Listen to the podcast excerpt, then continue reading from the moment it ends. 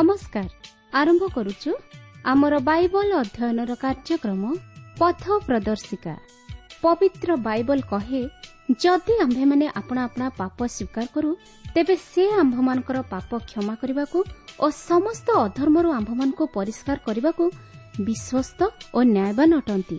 ଆସନ୍ତୁ ସେହି ଉଦ୍ଧାରକର୍ତ୍ତାଙ୍କର ପରିଚୟ ପାଇବା ନିମନ୍ତେ ଶୁଣିବା ବେତାର କାର୍ଯ୍ୟକ୍ରମ ପଥ ପ୍ରଦର୍ଶିକା।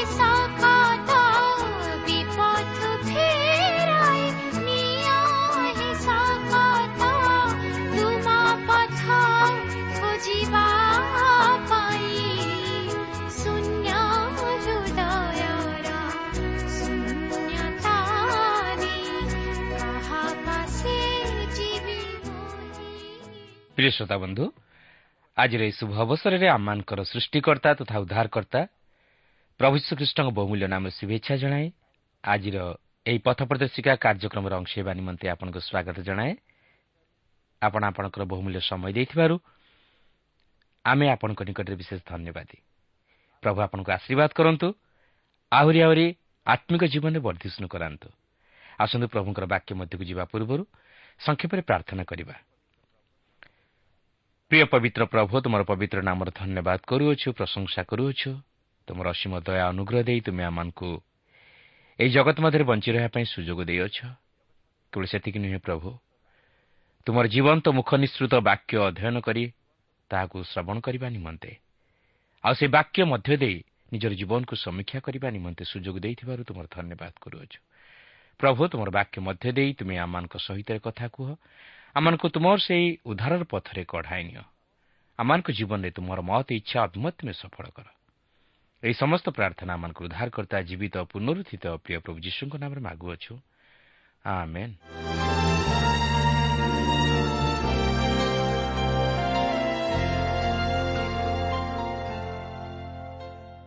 ଆସନ୍ତୁ ବର୍ତ୍ତମାନ ଆମେ ପ୍ରଭୁଙ୍କର ବାକ୍ୟ ମଧ୍ୟକୁ ଯିବା।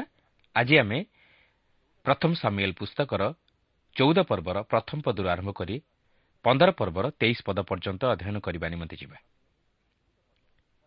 ପ୍ରଥମେ ଏହି ଚଉଦ ପର୍ବର ମୁଖ୍ୟ ଆଲୋଚନାର ପ୍ରସଙ୍ଗ ହେଉଛି ପଲେଷ୍ଟିୟମାନଙ୍କ ଉପରେ ଜୋନାଥନଙ୍କର ବିଜୟ। ତେବେ ଆପଣଙ୍କର ମନେଥିବ ଗତ ଆଲୋଚନାରେ ଆମେ ଦେଖିଥିଲୁ ପାଉଲ ଈଶ୍ୱରଙ୍କର ଅବାଧ୍ୟ ହୋଇ ଆପଣାର ମନ ମୁତାବକ କାର୍ଯ୍ୟ କରିବାରୁ ସାମୁଏଲଙ୍କ ଦ୍ୱାରା ଅନୁଯୋଗ ପ୍ରାପ୍ତ ହେଲେ ଓ ତାହାଙ୍କର ରାଜପଦ ତାଙ୍କଠାରୁ ଛଡ଼ାଇ ନିଆଯାଇ ଅନ୍ୟ ଜଣକୁ ଦିଆଯିବ ତାହା ମଧ୍ୟ ତାହାଙ୍କୁ ଜଣାଇଦେଲେ। ଓ ଶେଷରେ ପାଉଲ ପଲିଷ୍ଟିୟମାନଙ୍କ ସହିତ ଯୁଦ୍ଧର ସମ୍ମୁଖୀନ ହେଲେ ମାତ୍ର ଜୋନାଥନ ପଲିଷ୍ଟିୟମାନଙ୍କ ଉପରେ ଜୟୀ ହେଲେ। ତେବେ ଜୋନାଥନ ସେହି ପଲିଷ୍ଟିୟମାନଙ୍କ ବିରୁଦ୍ଧରେ ଯୁଦ୍ଧ କରି କିପରି ଜୟୀ ହେଲେ ଆସନ୍ତୁ ବର୍ତ୍ତମାନ ତାହା ଅଧ୍ୟୟନ କରି ଆଲୋଚନା କରିବାକୁ ଯିବା। ଆଉ ତହିଁରୁ ଆମର ଆଧ୍ୟାତ୍ମିକ ଜୀବନ ନିମନ୍ତେ କିଛି ଶିକ୍ଷା ଗ୍ରହଣ କରିବା। ଏହି ଚଉଦ ପର୍ବରେ ପୁନର୍ବାର ଜୋନାଥନ ଏକ ବିଜୟ ହାସଲ କରିବାର ଆମେ ଲକ୍ଷ୍ୟ କରୁଅଛୁ। ମାତ୍ର ସାଉଲ ଏଥିନିମନ୍ତେ ବାହାଦୁରୀ ନେବାକୁ ଚାହାନ୍ତି ଓ ସେ ତାହାଙ୍କର ପ୍ରତିହିଂସାର ମନୋଭାବକୁ ପ୍ରକାଶ କରନ୍ତି। ପ୍ରକୃତରେ ସେ ତାହାଙ୍କର ନିଜ ପୁତ୍ର ଜୋନାଥନକୁ ମଧ୍ୟ ବିନାଶ କରିଦେଇଥାନ୍ତେ। ଜୋନାଥନ ପଲିଷ୍ଟିୟମାନଙ୍କ ବିରୁଦ୍ଧରେ ଜୟୀ ହେବା ନିମନ୍ତେ ଯେଉଁ ସମର କୌଶଳ ପ୍ରୟୋଗ କରିଥିଲେ ତାହା ଏଠାରେ ପ୍ରକୃତରେ ଉଲ୍ଲେଖନୀୟ। ଏପରି ମଧ୍ୟ କୁହାଯାଏ ଯେ ବ୍ରିଟିଶ ଜେନେରାଲ ଏଲେନ୍ ବାୟ ପ୍ରଥମ ବିଶ୍ୱଯୁଦ୍ଧରେ ତୁର୍କୀ ଉପରେ ଆକ୍ରମଣ କରିବା ପୂର୍ବରୁ ସେହି ରାତିରେ ଏହି ପର୍ବଟିକୁ ଅଧ୍ୟୟନ କରିଥିଲେ। ତେବେ ଏହି ଅଧ୍ୟାୟଟି ଅତି କୌତୁହଳପୂର୍ଣ୍ଣ। ସେହି ସମର କୌଶଳକୁ ଏହି ସ୍ଥାନରେ ସମ୍ପୂର୍ଣ୍ଣ ଭାବେ ବ୍ୟାଖ୍ୟା କରିବା ଅତି କଷ୍ଟକର। କାରଣ ଯେଉଁମାନେ ପ୍ରକୃତରେ ଯୁଦ୍ଧ କ୍ଷେତ୍ରରେ ଯୁଦ୍ଧ କରନ୍ତି ସେମାନେ ତାହା ଭଲ ଭାବେ ବୁଝାଇ ପାରିବେ। କିନ୍ତୁ ମୋର ସେପରି କିଛି ତହିଁ ଉପରେ ଅଭିଜ୍ଞତା ନାହିଁ। କିନ୍ତୁ ଆମେ ଅଧ୍ୟୟନ କଲେ ତହିଁରୁ କିଛି ବୁଝିପାରିବା ବୋଲି ମୋର ବିଶ୍ୱାସ। କିନ୍ତୁ ମୁଁ ନିଶ୍ଚିତ ଯେ ଜେନେରାଲ ଏଲେନ୍ ବାୟ ସେଦିନ ଏହି ପର୍ବଟିକୁ ପାଠ କରି ଜୋନାଥନଙ୍କର ଅପୂର୍ବ ସମର କୌଶଳ ବିଷୟରେ ଅବଗତ ହୋଇପାରିଥିଲେ ଓ ସେ ମଧ୍ୟ ଯୁଦ୍ଧରେ ଜୟୀ ହୋଇଥିଲେ। ସେ ଜଣେ ଖ୍ରୀଷ୍ଟ ବିଶ୍ୱାସୀ ଥିଲେ ଓ ବାଇବଲ ସମ୍ବନ୍ଧରେ କିଛି ଜ୍ଞାନ ଆହରଣ କରିଥିଲେ। ପବିତ୍ର ବାଇବଲ ଏପରି ଏକ ଧର୍ମପୁସ୍ତକ ଯାହାକି ପ୍ରତ୍ୟେକ ଶ୍ରେଣୀର ଲୋକମାନଙ୍କ ନିମନ୍ତେ ଓ ପ୍ରତ୍ୟେକ କ୍ଷେତ୍ରରେ ଆମମାନଙ୍କୁ ଶିକ୍ଷା ଦେଇଥାଏ। ଓ ପ୍ରତ୍ୟେକ ସମସ୍ୟାର ସମାଧାନ ନିମନ୍ତେ ଉପଯୁକ୍ତ ରାସ୍ତା ଦେଖାଇଥାଏ ଓ ଉପଦେଶ ଦେଇଥାଏ। କାରଣ ଈଶ୍ୱରଙ୍କ ବାକ୍ୟ ପ୍ରତ୍ୟେକ କ୍ଷେତ୍ରରେ ପ୍ରତ୍ୟେକ ମନୁଷ୍ୟକୁ ଶିକ୍ଷା ଓ ଚେତନା ଦେଇ ତାହାକୁ ସେହି ଈଶ୍ୱରୀୟ ମାର୍ଗରେ ବା ସେହି ଆଲୋକର ପଥରେ ବା ସେହି ସ୍ୱର୍ଗୀୟ ପଥରେ ବା ସେହି ଅନନ୍ତ ଜୀବନର ପଥରେ ତାହାକୁ କଢ଼ାଇ ନେଇଥାଏ ଓ ପାପରୂପକ ସମସ୍ୟାରୁ ଉଦ୍ଧାର ପାଇବା ନିମନ୍ତେ ସେହି ଉଦ୍ଧାରର ପଥରେ କଢ଼ାଇ ନେଇଥାଏ ଓ ମନୁଷ୍ୟକୁ ବାସ୍ତବ ଶାନ୍ତି ସାନ୍ତ୍ୱନା ତଥା ଏକ ମହାନ ଭରସା ଦେଇଥାଏ ଓ ମନୁଷ୍ୟକୁ ଆତ୍ମିକ ଜୀବନରେ ବିଜୟର ସହିତ ଅଗ୍ରସର ହେବା ନିମନ୍ତେ ଶକ୍ତି ଯୋଗାଇଥାଏ ତଥା ପ୍ରେରଣା ଦେଇଥାଏ। ପ୍ରକୃତରେ ଜୋନାଥନଙ୍କର କୌଶଳ ଥିଲା ଏକ ସ୍ୱତନ୍ତ୍ର ଧରଣର। ଯଦିଓ ତାଙ୍କର ଲୋକମାନଙ୍କ ନିକଟରେ ଅସ୍ତ୍ରଶସ୍ତ୍ର ନଥିଲା ମାତ୍ର ତଥାପି ସେ ପଲିଷ୍ୟମାନଙ୍କୁ କୌଶଳ କ୍ରମେ ପରାଜିତ କରିବା ପାଇଁ ଚେଷ୍ଟା କଲେ।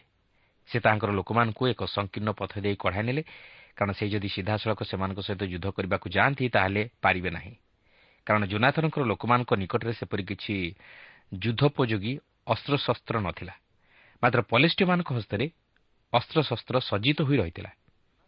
ତେଣୁକରି ଜୋନାଥନ କୌଶଳ କ୍ରମେ ସେମାନଙ୍କ ଉପରେ ବିଜୟ ହାସଲ କରିବାକୁ ଚିନ୍ତା କରି ଏହିପରି କୌଶଳ ଅବଲମ୍ବନ କଲେ ଓ ଏହି କୌଶଳ ମଧ୍ୟ କାର୍ଯ୍ୟକାରୀ ହେଲା। ତେବେ ଆମେ ଜୋନାଥନଙ୍କର ସମର କୌଶଳ ଉପରେ ବିଶେଷ ଦୃଷ୍ଟି ଦେବା ନାହିଁ ମାତ୍ର ଏହାର ଆତ୍ମିକ ଭାବ ଉପରେ ଟିକେ ଦୃଷ୍ଟି ଦେବା। ଏହି ଘଟଣା ମଧ୍ୟରୁ ଆମର ଆତ୍ମିକ ଜୀବନ ନିମନ୍ତେ ଶିକ୍ଷା ଗ୍ରହଣ କରିବାକୁ ଚେଷ୍ଟା କରିବା। କାରଣ ଆମ ଦୈନନ୍ଦିନ ଜୀବନରେ ଆମେ ପ୍ରତ୍ୟେକ ଆତ୍ମିକ ଯୁଦ୍ଧର ସମ୍ମୁଖୀନ ହେଉ। ତେଣୁ ସେହି ଆତ୍ମିକ ଯୁଦ୍ଧରେ ଆମେ କିପରି ଅନ୍ଧକାରର ଶକ୍ତି ବିରୁଦ୍ଧରେ ଜୟଲାଭ କରିପାରିବା ସେଥିପାଇଁ ଏହି ଘଟଣା ମଧ୍ୟ ଦେଇ ଆମର ଆତ୍ମିକ ଜୀବନ ନିମନ୍ତେ କିଛି ଶିକ୍ଷା ଗ୍ରହଣ କରିବା। ତେବେ ପ୍ରଥମ ସାମିଲ ଚଉଦ ପର୍ବର ପ୍ରଥମ ପଦରୁ ସତର ପଦ ମଧ୍ୟରେ ସେହି ସମର କୌଶଳ ବିଷୟରେ ଉଲ୍ଲେଖ ହୋଇଅଛି। ତେବେ ବର୍ତ୍ତମାନ ମୁଁ ତାହାକୁ ଆଉ ବିଶେଷ ଆଲୋଚନା କରିବା ପାଇଁ ଯାଉନାହିଁ। କିନ୍ତୁ ଏହାପରେ ଆଗକୁ କ'ଣ ଘଟିଲା ତାହା ଆମେ ଲକ୍ଷ୍ୟ କରିବା। ଚଉଦ ପର୍ବର ଅଠର ପଦରେ ଲେଖା ଅଛି ତହୁଁ ସାଉଲ ଅହିୟକୁ କହିଲେ ପରମେଶ୍ୱରଙ୍କ ସିନ୍ଧୁକ ଏଠାକୁ ଆଣ। କାରଣ ସେ ସମୟରେ ପରମେଶ୍ୱରଙ୍କ ସିନ୍ଧୁକ ଇସ୍ରାଏଲ୍ ସନ୍ତାନଗଣ ମଧ୍ୟରେ ସେଠାରେ ଥିଲା। ସାଉଲ ସେହି ଯୁଦ୍ଧକ୍ଷେତ୍ରକୁ ନିୟମ ସିନ୍ଧୁକ ନେବାର ଉଚିତ ନଥିଲା। କାରଣ ଆମେ ଏଥି ପୂର୍ବରୁ ଦେଖିସାରିଛୁ ଯେ ସାମୁଏଲ୍ଙ୍କ ସମୟରେ ଇସ୍ରାଏଲ୍ ସନ୍ତାନଗଣ ସେହିପରି ଯୁଦ୍ଧକ୍ଷେତ୍ରକୁ ନିୟମ ସିନ୍ଧୁକ ନେଇଯାଇଥିଲେ। କାରଣ ସେମାନେ ଭାବୁଥିଲେ ଯେ ନିୟମ ସିନ୍ଧୁକ ସେମାନଙ୍କ ସହିତ ରହିବା ଦ୍ୱାରା ସେମାନେ ଯୁଦ୍ଧରେ ଜୟୀ ହେବେ। ମାତ୍ର ତାହା ସମ୍ପୂର୍ଣ୍ଣ ଭୁଲ ଧାରଣା। ସାଉଲ ମଧ୍ୟ ସେହିପରି ଏଠାରେ ନିୟମ ସିନ୍ଧୁକକୁ ଯୁଦ୍ଧକ୍ଷେତ୍ରକୁ ନେବାକୁ ଚାହୁଁଛନ୍ତି ଯେପରି ସେ ପଲିଷ୍ଟିୟମାନଙ୍କ ଉପରେ ଜୟୀ ହୋଇପାରନ୍ତି।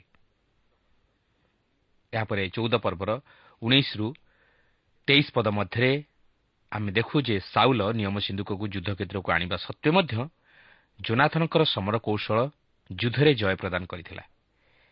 କାରଣ ଈଶ୍ୱର ଜୋନାଥନଙ୍କର ସହବର୍ତ୍ତୀ ଥିଲେ। କିନ୍ତୁ ଦୁଃଖର ବିଷୟ ଯେ ସେ ଦୀର୍ଘ ଦିନ ଧରି ବଞ୍ଚି ରହିପାରିନଥିଲେ କିନ୍ତୁ ଏଠାରେ ଲକ୍ଷ୍ୟ କରିବାର ବିଷୟ ହେଉଛି ଈଶ୍ୱର ସେହିଦିନ ଇସ୍ରାଏଲ୍କୁ ପଲିଷ୍ଟିୟମାନଙ୍କ ହସ୍ତରୁ ଉଦ୍ଧାର କଲେ। ଲକ୍ଷ୍ୟ କରନ୍ତୁ ସାଉଲ ବର୍ତ୍ତମାନ କ'ଣ କରିବା ପାଇଁ ଯାଉଅଛନ୍ତି। ଚଉଦ ପର୍ବର ଚବିଶରୁ ସତେଇଶ ପଦ ମଧ୍ୟରେ ଏହିପରି ଲେଖା ଅଛି ପୁଣି ସେହିଦିନ ଇସ୍ରାଏଲ୍ ଲୋକମାନେ ବଡ଼ କଷ୍ଟ ଭୋଗିଲେ। ତଥାପି ସାଉଲ ଲୋକମାନଙ୍କୁ ଏହି ଶପଥ କରାଇଲେ ସନ୍ଧ୍ୟା ପର୍ଯ୍ୟନ୍ତ ଅର୍ଥାତ୍ ମୁଁ ଆପଣା ଶତ୍ରୁଗଣଠାରୁ ପରିଶୋଧ ନେବା ପର୍ଯ୍ୟନ୍ତ ଯେଉଁ ଲୋକ କିଛି ଖାଦ୍ୟ ଭୋଜନ କରେ ସେ ସାପଗ୍ରସ୍ତ ହେଉ। ଏହେତୁ ଲୋକମାନଙ୍କର କେହି ଖାଦ୍ୟଦ୍ରବ୍ୟ ଆସ୍ୱାଦନ କଲା ନାହିଁ। ପୁଣି ଦେଶଯାକ ବନକୁ ଆସିଲେ। ମୃତ୍ତିକା ଉପରେ ମହୁ ଥିଲା। ଆଉ ଲୋକମାନେ ବନରେ ଉପସ୍ଥିତ ହୁଅନ୍ତି। ଦେଖ ଏକ ମହୁର ଝରଣା। ମାତ୍ର କେହି ଆପଣା ମୁହଁକୁ ହାତ ନେଲା ନାହିଁ। କାରଣ ଲୋକମାନେ ସେହି ଶପଥକୁ ଭୟ କଲେ। ମାତ୍ର ଜୋନାଥନ ଆପଣା ପିତା ଲୋକମାନଙ୍କୁ ଶପଥ କରାଇବା ବେଳେ ଶୁଣିନଥିଲା ଏହେତୁ ସେ ଆପଣା ହସ୍ତସ୍ଥିତ ଜଷ୍ଟିର ଅଗ୍ରଭାଗ ବଢ଼ାଇ ମହୁଚାକରେ ବୁଡ଼ାଇଲା ଓ ମୁଖକୁ ହସ୍ତ ନେଲା। ତହିଁରେ ତାହାର ଚକ୍ଷୁ ସତେଜ ହେଲା।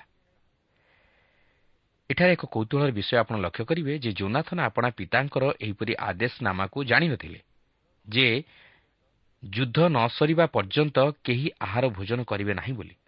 କିନ୍ତୁ ପ୍ରକୃତରେ ଜୋନାଥନ ଯୁଦ୍ଧରେ ଜୟୀ ହୋଇସାରିଥିଲେ ବର୍ତ୍ତମାନ ଆମେ ପାଉଲଙ୍କର ପ୍ରକୃତ ସ୍ୱଭାବ ପ୍ରକାଶିତ ହେବାକୁ ଆରମ୍ଭ କରିବାର ଲକ୍ଷ୍ୟ କରୁଅଛୁ। ଜୋନାଥନ ବିଜୟୀ ହେଲେ ମାତ୍ର ସାଉଲ ବାହାଦୁରୀ ନେବାକୁ ଚାହିଁଲେ। ସେ ନିଜର ପୁତ୍ରକୁ ସେହି ବାହାଦୁରୀ ଦେବାକୁ ଚାହାନ୍ତି ନାହିଁ। ତାଙ୍କର ପ୍ରତିହିଂସାର ମନୋଭାବ ଉଦ୍ରେକ ହୋଇଛି। ଚଉଦ ପର୍ବର ଅଠେଇଶରୁ ତିରିଶ ପଦ ମଧ୍ୟରେ ଲେଖା ଅଛି ସେତେବେଳେ ଲୋକମାନଙ୍କ ମଧ୍ୟରୁ ଜଣେ ଉତ୍ତର କରି କହିଲା ତୁମ ପିତା ଲୋକମାନଙ୍କୁ ଦୃଢ଼ ରୂପେ ଏହି ଶପଥ କରାଇଅଛନ୍ତି ଯେ ଆଜି ଯେଉଁ ଜନ ଖାଦ୍ୟ ଭୋଜନ କରେ ସେ ସାପଗ୍ରସ୍ତ ହେଉ ମାତ୍ର ଲୋକମାନେ କ୍ଲାନ୍ତ ହୋଇଅଛନ୍ତି। ତହିଁରେ ଜୋନାଥନ କହିଲା ମୋ ପିତା ଦେଶକୁ ଦୁଃଖ ଦେଉଅଛନ୍ତି। ଦେଖିଲ ଏହି ମହୁରୁ ଟିକିଏ ଆସ୍ୱାଦ କରିବାରୁ ମୋର ଚକ୍ଷୁ କିପରି ସତେଜ ହୋଇଅଛି। ଯେବେ ଲୋକମାନେ ଆପଣା ଶତ୍ରୁମାନଙ୍କଠାରୁ ପ୍ରାପ୍ତ ଲୁଟଦ୍ରବ୍ୟରୁ ଆଜି ସ୍ୱଚ୍ଛନ୍ଦରେ ଭୋଜନ କରିବାକୁ ପାଇଥାନ୍ତେ ତେବେ କେତେ ଅଧିକ ଭଲ ହୁଅନ୍ତା। କାରଣ ଏବେ ତ ପଲେଷ୍ଟିୟମାନଙ୍କ ମଧ୍ୟରେ କୌଣସି ମହାହତ୍ୟା ହୋଇନାହିଁ ବାସ୍ତବରେ ଏହି ପ୍ରକାର ଆଦେଶନାମା ଏକ ମୂର୍ଖତାର ବିଷୟ ଥିଲା। ସେମାନେ ଯୁଦ୍ଧ କରି କ୍ଲାନ୍ତି ଓ କ୍ଷୁଦା ଅନୁଭବ କରୁଥିଲେ। ସେମାନେ ଯୁଦ୍ଧରେ ଜୟୀ ହୋଇଥିଲେ। ସେମାନଙ୍କ ନିମନ୍ତେ ଖାଦ୍ୟର ଆବଶ୍ୟକତା ଥିଲା। ମାତ୍ର ସାଉଲ ସେମାନଙ୍କୁ ଭୋଜନ କରିବା ନିମନ୍ତେ ଅନୁମତି ଦେଉନାହାନ୍ତି। ଯେପର୍ଯ୍ୟନ୍ତ ସେ ତାହାଙ୍କ ଶତ୍ରୁମାନଙ୍କ ଉପରେ ପ୍ରତିଶୋଧ ନେଇନାହାନ୍ତି ସେ ପର୍ଯ୍ୟନ୍ତ ସେ କାହାରିକୁ ଭୋଜନ କରିବା ନିମନ୍ତେ ଅନୁମତି ଦେଉନାହାନ୍ତି। କିନ୍ତୁ ଘଟଣା ପ୍ରକୃତିରେ ତାହା ନଥିଲା। ସେମାନେ ପଲିଷ୍ଟିୟମାନଙ୍କ ଉପରେ ଜୟୀ ହୋଇସାରିଥିଲେ। ମାତ୍ର ସାଉଲ ଆପଣାର ଜିଦ୍ଦିରେ ଏପରି କଲେ। ଚଉଦ ପର୍ବର ଏକତିରିଶରୁ ପଞ୍ଚତିରିଶ ପଦ ମଧ୍ୟରେ ଆମେ ଦେଖୁଛୁ ଯେ ସେ ଏକ ଯଜ୍ଞବେଦୀ ନିର୍ମାଣ କରିଥିଲେ ଓ ବଳିଦାନ ଉତ୍ସର କରିଥିଲେ। କିନ୍ତୁ ତାହା କେବଳ ତାହାଙ୍କର ଭୁଲ ନିମନ୍ତେ ଏହିପରି ଘଟିଲା। ଏଥିନିମନ୍ତେ ସେ ହିଁ ଦାୟୀ। ଏହାପରେ ଚଉଦ ପର୍ବର ଛତିଶରୁ ସଇଁତିରିଶ ପଦରେ ଆମେ ଦେଖୁ ଯେ ଈଶ୍ୱର ଏହି ମନୁଷ୍ୟକୁ ଆଦୌ ବ୍ୟବହାର କରିବାକୁ ଚାହାନ୍ତି ନାହିଁ। ତେଣୁକରି ସେ ମଧ୍ୟ ସାଉଲକୁ କୌଣସି ଉତ୍ତର ଦିଅନ୍ତି ନାହିଁ। ଏହାପରେ ଚଉଦ ପର୍ବର ଅଠତିରିଶରୁ ଅଣଚାଳିଶ ପଦରେ ଆମେ ଦେଖୁ ଯେ ସାଉଲ ତାଙ୍କ ନିଜ ଉପରେ ଦୋଷ ଦେଉନଥିଲେ। ସେ କହନ୍ତି କେହି ଜଣେ ପାପ କରିଅଛି। ସୈନ୍ୟମାନେ ନିରବରେ ଛିଡ଼ା ହୋଇ ରହିଲେ। କାରଣ ସେମାନେ ଜାଣିଥିଲେ ଯେ ଏହା ଥିଲା ଜୋନାଥନଙ୍କର ବିଜୟ। କିନ୍ତୁ ବର୍ତ୍ତମାନ ସାଉଲ କହୁଛନ୍ତି ଈଶ୍ୱର କାହିଁକି ମୋର ପ୍ରାର୍ଥନାର ଉତ୍ତର ମୋତେ ଦେଲେ ନାହିଁ? କାରଣ କେହି ଜଣେ ମୋ କଥା ମାନି ନାହିଁ ଓ ସେହି ଶପଥ ଲଙ୍ଘନ କରିଅଛି। କିନ୍ତୁ ସୈନ୍ୟଶ୍ରେଣୀ ଜାଣିଥିଲେ ଯେ ଜୋନାଥନ ସେହି ମହୁ ଚାଖିଥିଲା ଓ ସେମାନେ ଜାଣିଥିଲେ ଯେ ସାଉଲ ମଧ୍ୟ ଏହି ସମୟରେ ପ୍ରତିବନ୍ଧକ ଛିଡ଼ା କରିବା ପାଇଁ ଚେଷ୍ଟା କରୁଛନ୍ତି। ତେଣୁକରି ସେମାନେ ତାହା ଜାଣି ନିରବ ରହିଲେ ଯେହେତୁ ସେ ରାଜା ଥିଲେ। ଏହାପରେ ଚଉଦ ପର୍ବର ଚାଳିଶ ପଦରେ ଆମେ ଦେଖୁ ଲେଖା ଅଛି। ଏଥିରେ ସାଉଲ ସମସ୍ତେ ଇସ୍ରାଏଲ୍ଙ୍କୁ କହିଲେ ତୁମେମାନେ ଏକ ପାଖରେ ଥାଅ ପୁଣି ମୁଁ ଓ ମୋର ପୁତ୍ର ଜୋନାଥନ ଅନ୍ୟ ପାଖରେ ଥିବା ତମେ ଲୋକମାନେ ସାଉଲଙ୍କୁ କହିଲେ ତୁମ ଦୃଷ୍ଟିରେ ଯାହା ଭଲ ତାହା କର। ସୈନ୍ୟମାନେ କିଛି ଅଧିକ ବିଷୟ କହୁନାହାନ୍ତି ମାତ୍ର ସାଉଲଙ୍କ କଥାରେ ଏକମତ ହେଉଛନ୍ତି। ଏହାପରେ ଚଉଦ ପର୍ବର ଏକଚାଳିଶ ପଦରେ ଲେଖା ଅଛି। ଏଉତାରେ ସାଉଲ କହିଲେ ମୋହର ଓ ମୋର ପୁତ୍ର ଜୋନାଥନର ମଧ୍ୟରେ ଗୁଲିବାଣ୍ଟ କର। ତାହେଲେ ଜୋନାଥନ ନିର୍ଣ୍ଣିତ ହେଲା। ସାଉଲ ବିଶ୍ୱାସ କଲେ ଯେ ଜୋନାଥନ ହେଉଛି ଦୋଷୀ। ଏହାପରେ ଚଉଦ ପର୍ବର ବୟାଳିଶ ଓ ତେୟାଳିଶ ପଦରେ ଆମେ ଦେଖୁ ଯେ ଜୋନାଥନ ଦୋଷୀ ଥିଲେ କାରଣ ତାହାଙ୍କର ପିତା ଯାହା ଚାହୁଁନଥିଲେ ତାହା ସେ କଲେ। ସାଉଲ କହିଲେ ଯେଉଁ ମନୁଷ୍ୟ ଏହି ଦିନରେ କୌଣସି ଆହାର ଭୋଜନ କରେ ସେହି ମନୁଷ୍ୟ ସାପଗ୍ରସ୍ତ ହେଉ। କିନ୍ତୁ ଏଥିନିମନ୍ତେ କ'ଣ ଜଣେ ମରିବା ଉଚିତ? ଚଉଦ ପର୍ବର ଚଉରାଳିଶରୁ ବାବନ ପଦ ମଧ୍ୟରେ ଆମେ ଦେଖୁ ଯେ ସାଉଲ ତାହାଙ୍କର ପୁତ୍ର ଜୋନାଥନକୁ ବଧ କରିଥାନ୍ତେ ଯଦି ସେ ତାହାଙ୍କ ରାସ୍ତାରେ ଛିଡ଼ା ହୋଇଥାନ୍ତେ। କାହିଁକି ଜାଣନ୍ତି? ଯେହେତୁ ସାଉଲ ଜୋନାଥନ ଉପରେ ହିଂସା କରୁଥିଲେ ସେ ନିଜେ ସମସ୍ତ ପ୍ରଶଂସା ପାଇବାକୁ ଚାହୁଁଥିଲେ। ସାଉଲଙ୍କର ସମସ୍ତ ପ୍ରକାର ଚକ୍ରାନ୍ତ ସତ୍ତ୍ୱେ ମଧ୍ୟ ସୈନ୍ୟମାନେ ନିରବ ରହିଥିଲେ। କିନ୍ତୁ ଯେତେବେଳେ ଜୋନାଥନଙ୍କ ଜୀବନ ପ୍ରତି ଅମଙ୍ଗଳ ଦେଖାଦେଲା ସେମାନେ ଆଉ ନିରବ ହୋଇ ରହିପାରିଲେ ନାହିଁ। ଏଠାରେ ଆମେ ସାଉଲଙ୍କର ପ୍ରକୃତ ସ୍ୱଭାବ ଦେଖିବାକୁ ପାରିଲୁ। ମାତ୍ର ଏହାପରେ ଆମେ ଆଗକୁ ଦେଖିବା ଯେ ସେ କିପରି ଈଶ୍ୱରଙ୍କର ଅବାଧ୍ୟ ହୋଇ ଇସ୍ରାଏଲ୍ ଜାତି ପ୍ରତି ଦୁଃଖ ଆଣିଲେ। ଯଦି ଈଶ୍ୱର ଇସ୍ରାଏଲ୍ ଜାତି ପ୍ରତି ଆପଣା ଦୟା ପ୍ରକାଶ କରିଥାନ୍ତେ ତାହେଲେ ସମଗ୍ର ଇସ୍ରାଏଲ୍ ଜାତି ବିନଷ୍ଟ ହୋଇଥାନ୍ତେ। ସାଉଲ ତାହାଙ୍କର କାର୍ଯ୍ୟକଳାପରୁ ଜଣାଇ ଦିଅନ୍ତି ଯେ ସେ ଈଶ୍ୱରଙ୍କ ଲୋକ ନଥିଲେ। ସେ ପ୍ରକୃତରେ ଶୟତାନର ଲୋକ ଥିଲେ। ଆମେ ପରବର୍ତ୍ତୀ ଅଧ୍ୟାୟରେ ଦେଖିବାକୁ ପାରିବା ଯେ ସାଉଲ ଈଶ୍ୱରଙ୍କର ବାଧ୍ୟ ହେଲେ ନାହିଁ ମାତ୍ର ନିଜର ଇଚ୍ଛାରେ କାର୍ଯ୍ୟ କଲେ ଶେଷରେ ଈଶ୍ୱରଙ୍କ ଆତ୍ମା ତାହାଙ୍କ ସହିତ ଆଉ କଥା କହିଲେ ନାହିଁ।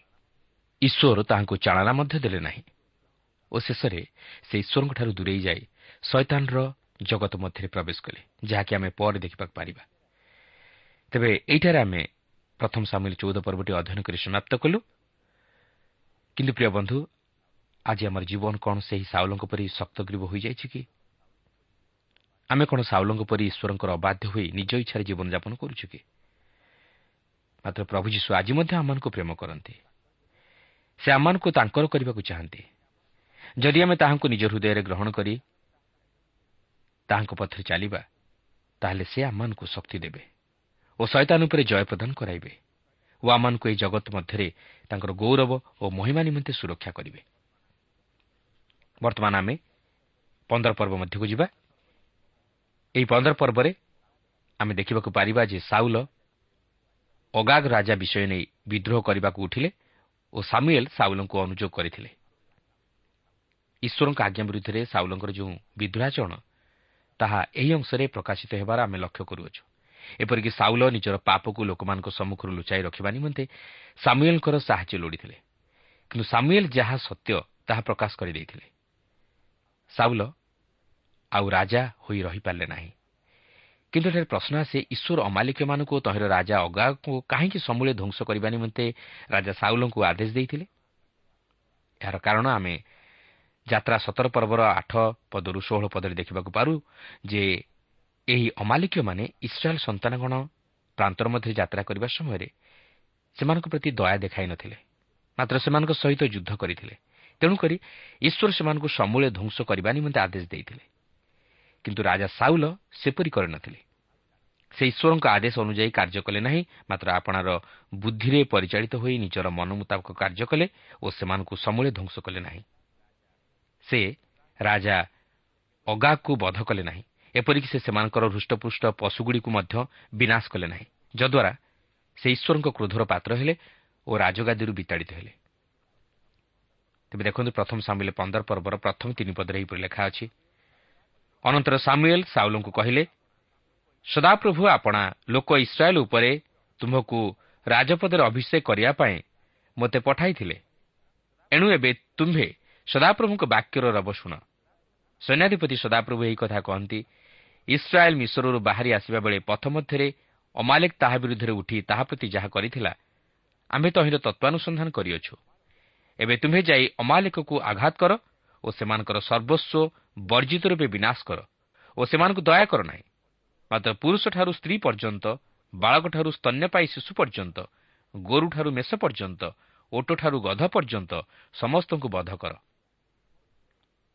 ତେବେ ଈଶ୍ୱରଙ୍କର ଏହିପରି ଆଦେଶ ଅତି ନିଷ୍ଠୁରଜନକ ବୋଲି ଆପଣ ଭାବିପାରନ୍ତି। ଯଦି ଆପଣ ଏହି ଅମାଲିକୀୟମାନଙ୍କର ଇତିହାସ ବିଷୟ ନେଇ ଅବଗତ ନୁହନ୍ତି। ଏପରିକି ମୂଷା ତାହାଙ୍କ ସମୟରେ ଘଟିଥିବା ଅମାଲିକୀୟମାନଙ୍କର ଅମାନୁଷିକତାର କାର୍ଯ୍ୟକୁ ଇସ୍ରାଏଲ୍ର ନୂତନ ବଂଶଧରମାନଙ୍କ ନିକଟରେ ପ୍ରକାଶ କରି ସେମାନଙ୍କୁ ସ୍ମରଣ କରାଇ ଦିଅନ୍ତି। ଯେପରି ସେମାନେ ଅମାଲିକୀୟମାନଙ୍କଠାରୁ ସତର୍କ ରହନ୍ତି। ଯାହାକି ଦ୍ୱିତୀୟ ବିବରଣ ପଚିଶ ପର୍ବର ସତର ପଦରୁ ଉଣେଇଶ ପଦ ମଧ୍ୟରେ ଉଲ୍ଲେଖ ହୋଇଅଛି।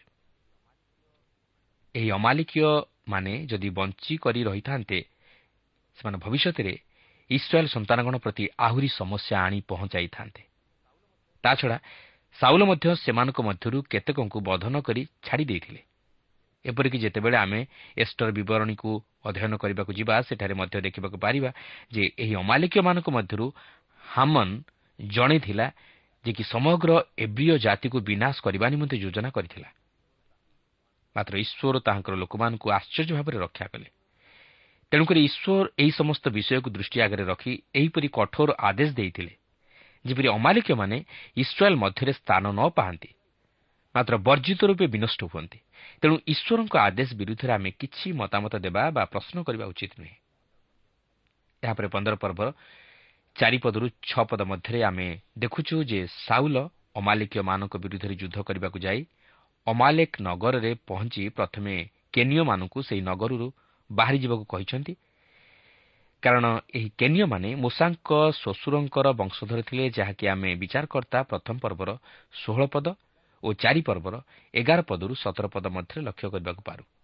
ଏହାପରେ ପନ୍ଦର ପର୍ବର ସାତ ପଦରେ ଲେଖା ଅଛି ଏଉତାରେ ସାଉଲ ହବିଲାଠାରୁ ମିଶର ସମ୍ମୁଖସ୍ଥ ସୁରର ନିକଟ ପର୍ଯ୍ୟନ୍ତ ଅମାଲିକମାନଙ୍କୁ ଆଘାତ କଲେ।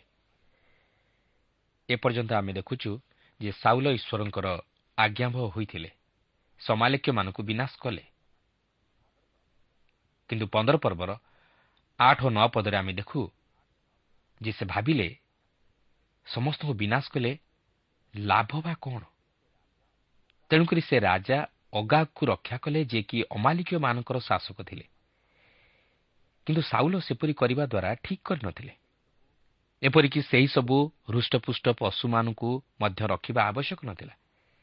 ଯେହେତୁ ଏହି ଜାତି ଦୁଷ୍ଟତାରେ ପରିପୂର୍ଣ୍ଣ ଥିଲେ ଓ ସେମାନଙ୍କର ସବୁକିଛି ଦୁଷ୍ଟତାର ବିଷୟ ଥିଲା। ତେଣୁକରି ସେମାନଙ୍କର କୌଣସି ବିଷୟ ସ୍ପର୍ଶ ନ କରିବା ନିମନ୍ତେ କିମ୍ବା ଜୀବିତ ରଖିବା ନିମନ୍ତେ ନିଷେଧ କରିଥିଲେ। ତେଣୁକରି ଏଠାରେ ଇସ୍ରାଏଲ୍ ଜାତି ସଦାପ୍ରଭୁଙ୍କର ଆଦେଶ ଅନୁଯାୟୀ ସେହି ଅମାଲିକୀୟମାନଙ୍କୁ ବର୍ଜିତ ରୂପେ ବିନାଶ କରୁଅଛନ୍ତି। ଏହା ଥିଲା ଅମାଲିକୀୟମାନଙ୍କ ପ୍ରତି ଈଶ୍ୱରଙ୍କର ବିଚାର। କିନ୍ତୁ ସାଉଲ କେତେକଙ୍କୁ ଛାଡ଼ିଦେଲେ? ପନ୍ଦର ପର୍ବର ଦଶ ଓ ଏଗାର ପଦରେ ଆମେ ଦେଖୁ ଯେ କେବଳ ଲୋକମାନେ ଯିଏ ସାଉଲଙ୍କୁ ରାଜା ରୂପେ ମନୋନୀତ କଲେ ତାହା ନୁହେଁ ସାମୁଏଲ୍ ମଧ୍ୟ ତାହାଙ୍କୁ ମନୋନୀତ କଲେ। ସାମୁଏଲ୍ ସାଉଲଙ୍କୁ ପ୍ରେମ କଲେ। ସେ ସାଉଲଙ୍କୁ ଏକ ଉତ୍ତମ ରାଜା ରୂପେ ପ୍ରତିଷ୍ଠିତ କରାଇବାକୁ ଚାହିଁଲେ। ଏପରିକି ଦାଉଦଙ୍କ ଅପେକ୍ଷା ସାଉଲ ଜଣେ ସୁଦକ୍ଷ ରାଜା ହେବେ ବୋଲି ସେ ଭାବୁଥିଲେ। କିନ୍ତୁ ବର୍ତ୍ତମାନ ଏଠାରେ ଆମେ ଦେଖୁଅଛୁ ଈଶ୍ୱର ସାଉଲଙ୍କୁ ଅଗ୍ରାହ୍ୟ କଲେ ଓ ସାମୁଏଲ୍ଙ୍କୁ ଈଶ୍ୱରଙ୍କ ଆଦେଶ ଅନୁଯାୟୀ କାର୍ଯ୍ୟ କରିବାକୁ ପଡ଼ିଲା ସାଉଲ ଈଶ୍ୱରଙ୍କ ଅବାଧ୍ୟ ହେବାରୁ ଈଶ୍ୱରଙ୍କ ବିଚାର ତାହାଙ୍କ ପ୍ରତି ବର୍ତ୍ତିଲା ପନ୍ଦର ପର୍ବର ବାର ଓ ତେର ପଦରେ ଆମେ ଦେଖୁ ଯେ ସାମୁଏଲ୍ ଈଶ୍ୱରଙ୍କ ଆଦେଶ ଅନୁଯାୟୀ ସାଉଲଙ୍କୁ ଅନୁଯୋଗ କରନ୍ତି କିନ୍ତୁ ସାଉଲ କହନ୍ତି ଯେ ସେ ଈଶ୍ୱରଙ୍କର ବାଧ୍ୟ ହୋଇ ସମସ୍ତ କାର୍ଯ୍ୟ କରିଅଛନ୍ତି ମାତ୍ର ସାମୁଏଲ୍ଙ୍କର ପ୍ରତ୍ୟୁତ୍ତର ପ୍ରତି ଟିକେ ଲକ୍ଷ୍ୟ କରନ୍ତୁ। ପନ୍ଦର ପର୍ବର ଚଉଦ ଓ ପନ୍ଦର ପଦରେ ଏହିପରି ଲେଖା ଅଛି। ତହିଁରେ ସାମୁଏଲ୍ କହିଲେ ତେବେ ମୋ କର୍ଣ୍ଣରେ ଯେ ମେଷରବ ହେଉଛି ଓ ମୁଁ ଯେ ଗୋରୁରବ ଶୁଣୁଛି ଏଥିର ଅର୍ଥ କ'ଣ? ତମୁ ସାଉଲ କହିଲେ ସେମାନେ ଅମାଲିକୀୟମାନଙ୍କଠାରୁ ସେସବୁ ଆଣିଅଛନ୍ତି। କାରଣ ସଦାପ୍ରଭୁ ତୁମ ପରମେଶ୍ୱରଙ୍କ ଉଦ୍ଦେଶ୍ୟରେ ବଳିଦାନ କରିବା ନିମନ୍ତେ ଲୋକମାନେ ଉତ୍ତମ ଉତ୍ତମ ମେଷ ଓ ଗୋରୁ ପ୍ରତି ଦୟା କଲେ ମାତ୍ର ଅବଶିଷ୍ଟ ସକଳକୁ ଆମମାନେ ବର୍ଜିତ ରୂପେ ବିନାଶ କରିଅଛୁ। ଦେଖନ୍ତୁ ସାଉଲ ଅତି ଚତୁରତାର ସହିତ ନିଜର ଦୋଷକୁ ଘୋଡ଼ାଇବାକୁ ଯାଇ ଅନ୍ୟମାନଙ୍କ ଉପରେ ଲଦି ଦିଅନ୍ତି ଓ ଏକ ମିଛ ବାହାନା ମଧ୍ୟ କରନ୍ତି। ସେ କହନ୍ତି ଉତ୍ତମ ଉତ୍ତମ ପଶୁଗୁଡ଼ିକୁ ସେ ସଦାପ୍ରଭୁଙ୍କ ଉଦ୍ଦେଶ୍ୟରେ ବଳିଦାନ କରିବା ନିମନ୍ତେ ଆଣିଅଛନ୍ତି। କିନ୍ତୁ ଘଟଣା ପ୍ରକୃତିରେ ତାହା ନଥିଲା। ମାତ୍ର ସେ ନିଜର ଅବାଧ୍ୟତାକୁ ଘୋଡ଼ାଇବାକୁ ଯାଇ ଏହିପରି ଏକ ମିଛ ବାହାନା ଦେଖାଉଛନ୍ତି। ପ୍ରିୟ ବନ୍ଧୁ ଅନେକ ସମୟରେ ଆମମାନଙ୍କ ଜୀବନରେ ତାହା ହିଁ ଘଟେ। ଆମେ ଈଶ୍ୱରଙ୍କ ଉଦ୍ଦେଶ୍ୟରେ ସବୁକିଛି ଉତ୍ସର କରୁ ମାତ୍ର ଈଶ୍ୱର ଆମମାନଙ୍କ ଜୀବନରୁ ଯେଉଁ ବାଧ୍ୟତା ଚାହାନ୍ତି ବା ସେ ଆମମାନଙ୍କ ଜୀବନରୁ ଯାହା ଆଶା କରନ୍ତି ତାହା ଆମେ ଈଶ୍ୱରଙ୍କୁ ଦେଇପାରିନଥାଉ କି ତାହା ସାଧନ କରିପାରିନଥାଉ ପ୍ରଭୁ ସାଉଲଙ୍କ ଜୀବନରୁ ବାଧ୍ୟତା ଚାହୁଁଥିଲେ ମାତ୍ର ସେ ଅନ୍ୟ କୌଣସି ବଳିଦାନ ଚାହୁଁନଥିଲେ ଏହାପରେ ପନ୍ଦର ପର୍ବ ଷୋହଳ ପଦରୁ ଏକୋଇଶ ପଦ ମଧ୍ୟରେ ଆମେ ଦେଖୁ ଯେ ସାଉଲ କହନ୍ତି ସେ ସଦାପ୍ରଭୁଙ୍କର ବାଧ୍ୟ ହେଲେ ସେ ନିଜର ଦୋଷକୁ ମାନି ନେବାକୁ ପ୍ରସ୍ତୁତ ନୁହନ୍ତି। କିନ୍ତୁ ତଥାପି ସେ ଦୋଷୀ।